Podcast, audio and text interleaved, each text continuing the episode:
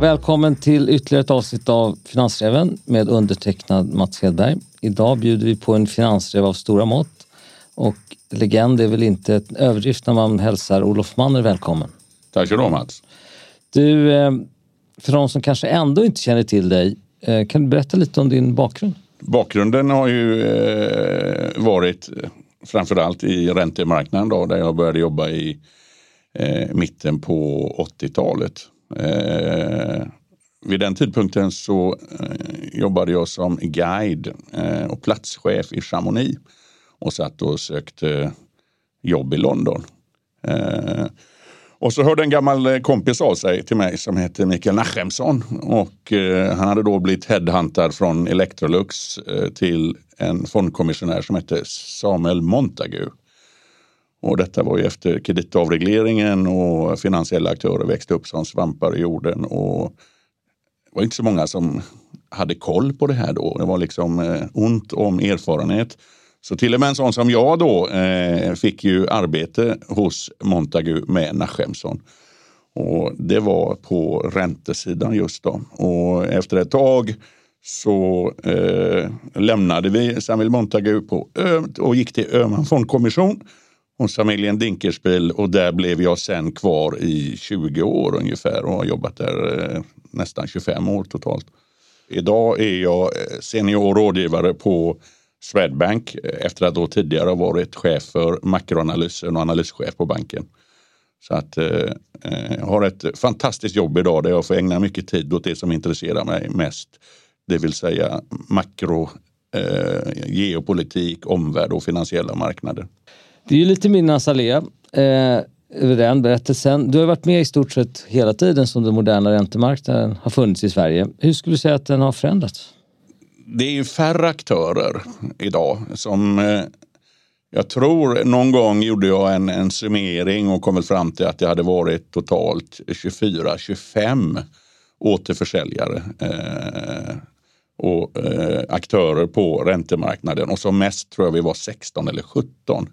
Det var ju ett läge där den stats, eh, statsskulden eh, exploderade vi var, och man hade släppt på eh, valutaregleringen. Så vi var tvungna att hitta utländska kunder i Sverige för att placera den här enorma statsskulden någonstans.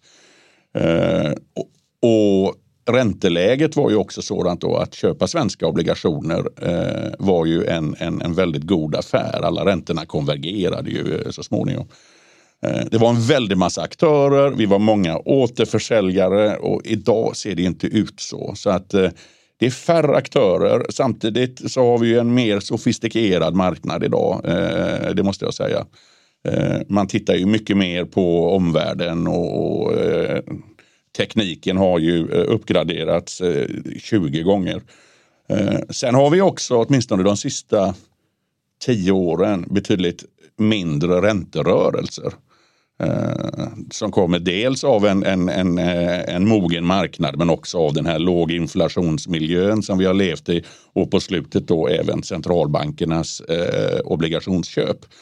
Eh, så att eh, färre aktörer, mindre rörelser, mer eh, sofistikerad marknad men under radarn också rimligtvis en eh, mindre likvid marknad. Alltså likviditeten har ju inte testats i någon större omfattning den sista tiden. Och den borde rimligtvis vara eh, sämre då när Riksbanken äger närmare 50 procent av den utestående stocken och det är färre aktörer, färre kunder och så vidare. Och när man då eh, står inför eh, en någorlunda osäker framtid vad det gäller inflationen, det kanske vi kommer tillbaka till, eh, så gör ju det att jag börjar bli på tårna. Jag tycker det är en väldigt spännande läge just nu måste jag säga. Vi kommer tillbaka till tårna. Eh, du refererar till räntemarknaden med många aktörer. Eh, jag kommer ihåg att det var väldigt stora ränterörelser. Det kunde vara liksom om inte halv procentenhet, kanske, ja, kanske till och med upp till procentenheter på en dag. Absolut. Hur, hur, kan du beskriva lite interiört, hur kunde handeln vara? Eh, nej, men när det var som värst, eh, och, och, det var det ju eh, dagarna innan eh, Bengt Dennis, den dåvarande eh, riksbankschefen, höjde eh, dagslån, eller vad säger jag, eh, höjde styrräntan upp till 500 procent. eh, då var det ju väldigt stora kast. Som du sa, räntan kunde röra sig eh, en procent upp och ner på en dag. Eh, och jag kommer ihåg fortfarande att man, eh, man när klockan var nio och, och marknaden öppnade eh, då var det som att man startade ett flipperspel ungefär och satte i kontakten. Alla lampor, eh, det vill säga ingående samtal, började lysa pang samtidigt. Och sen höll de på hela dagen.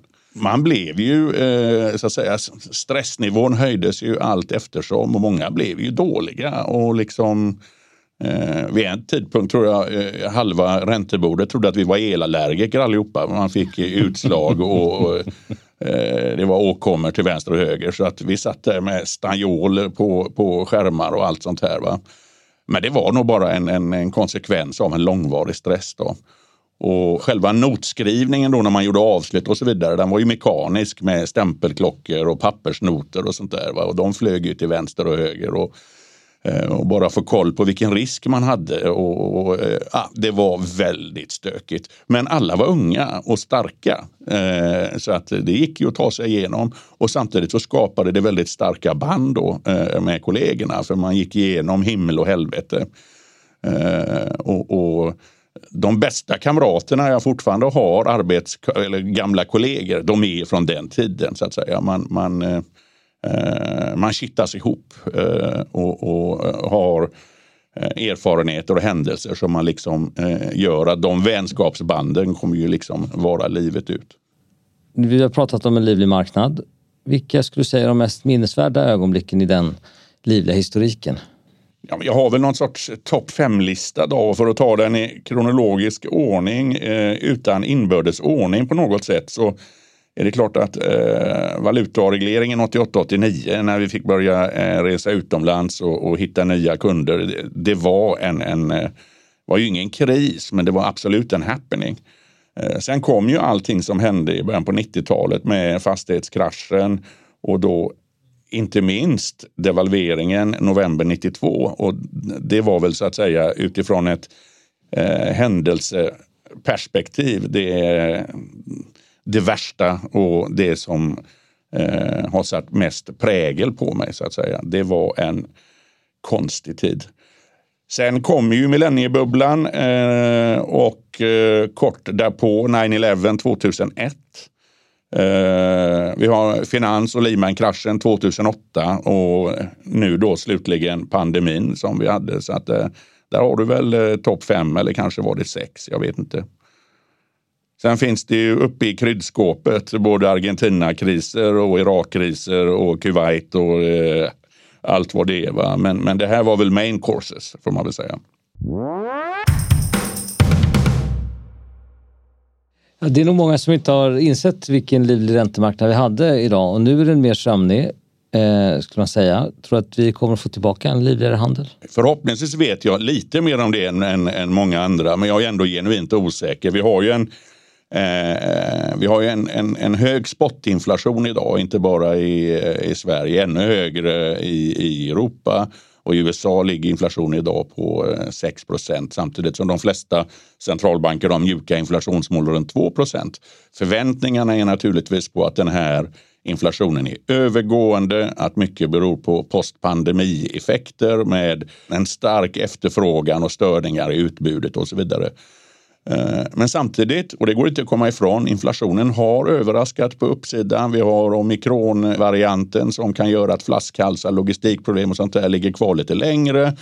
Och eh, löntagarna har börjat ställa krav, eh, åtminstone i USA. Vi ser strejker i Tyskland. Det kommer bli extremt intressant de närmsta 6 till 8 månaderna att se hur och i vilken omfattning inflationen faller tillbaka. Och vad för eventuell ny inflation som kan tillkomma. Och då tänker jag till exempel på prisplanerna från företagen som då har markerat att de är på väg att höja priserna ut mot konsument. De stora eh, prisökningarna idag ligger i producentledet. Eh, eh, producentpriserna har väl ökat om det är 15-16 procent men det ligger ju i, i, i stor utsträckning i, i business to business när det så att säga, tar nästa steg från ut till business mot consumer, ja, då kan det tillkomma ny inflation som gör att kanske inte eh, inflationen faller så mycket som man har trott och då är ju eh, räntorna väldigt låga. Och hur centralbanken agerar i den här miljön, ja, det kommer bli väldigt spännande framöver. Det tycker jag. Vi kommer ihåg centralbankerna på, på 90-talet. Då, underskatt, då överskattade de inflationstrycket och höll för stram ränta kan man konstatera. De missade ju alltid målet. Finns det en risk för att man har man ligger på fel sida av målet nu och sen får börja eh, panikhöja tror du? Det är väl tidigt att säga, men, men jag menar ju längre inflationen ligger kvar och ju högre den blir, ju mer på efterkant eh, kommer ju centralbankerna, så kan man ju säga. Jag har förståelse för att centralbankerna agerar som de gör. Eh, att, att så att säga äventyra tillväxten genom att höja räntan för tiden i en miljö där skuldsättningen är väldigt hög Eh, det är naturligtvis besvärligt och jag tror att det är, jag tycker inte det är konstigt att man så att säga avvaktar. Men risken blir ju då också att man blir på efterkant och då kanske räntehöjningarna får bli eh, både högre och snabbare än vad som ligger i eh, prognoserna idag. Och det kan ju ställa till det. Det kanske är en känslig fråga, men, men vad skulle du sätta ditt bett på? Kommer inflationen falla tillbaka ner eller är på väg mot en högre inflationsnivå? Jag gissar ju bara. Eh, och jag har ju också, så att säga, jag är ju den åldern att jag har levt i en höginflationsmiljö. Om det är en, en bra erfarenhet eller om det påverkar mitt omdöme, eh, det är svårt att säga. Men i och med att du frågar, jag tror nog att inflationen kommer att bli lite högre och bita sig fast lite längre än vad medianen är, ligger i marknaden. Och det kan som, få som följd en lite stramare räntepolitik? Ja, eh, framför allt att centralbankerna kanske agerar tidigare än, än vad många tror idag.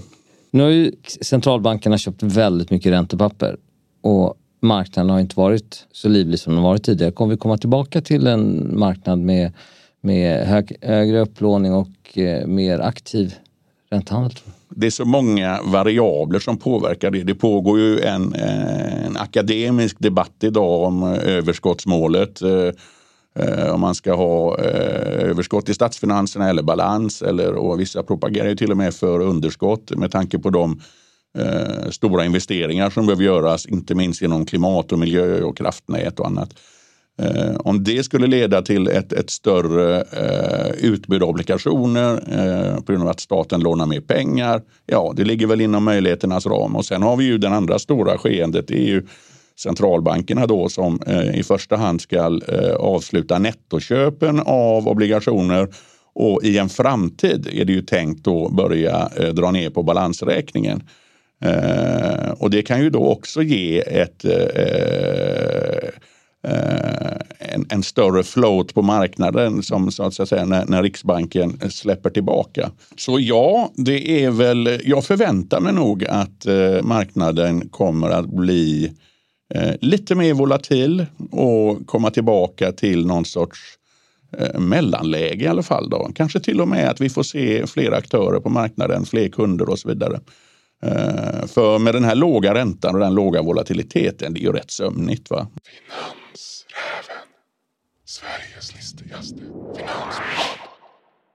Vi svenskarna har ju mest varit ett aktiefolk medan man i andra länder har varit mer räntefolk där man handlar alltså räntor, där, där även privatpersoner handlar räntor. Det finns ganska stora marknader med företagsobligationer. Kommer vi få se det i Sverige tror du? Det har också att göra med både ränta och inflation. Idag har vi ju, jag menar en, en, en tioårig svensk statsobligation som är liksom det ultimata säkra sparandet egentligen.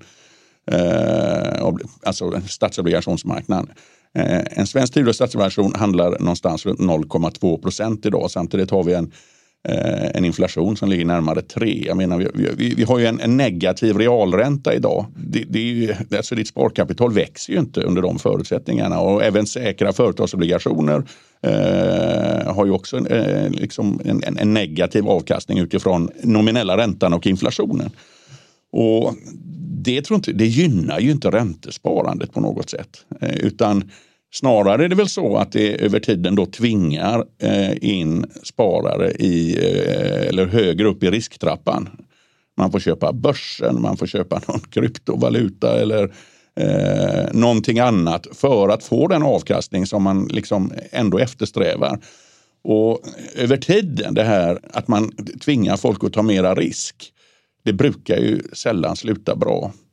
Å andra sidan kan du säga så här, det har väl ändå varit eh, gynnat Sverige att vi av hävd har en historik att spara på börsen. Eh, jag tänker på Tyskland då, där man har ett, ett eh, generellt mycket större räntesparande och i en större omfattning dessutom bor i hyreslägenheter. Snacka om att vara loser på den här förda penningpolitiken.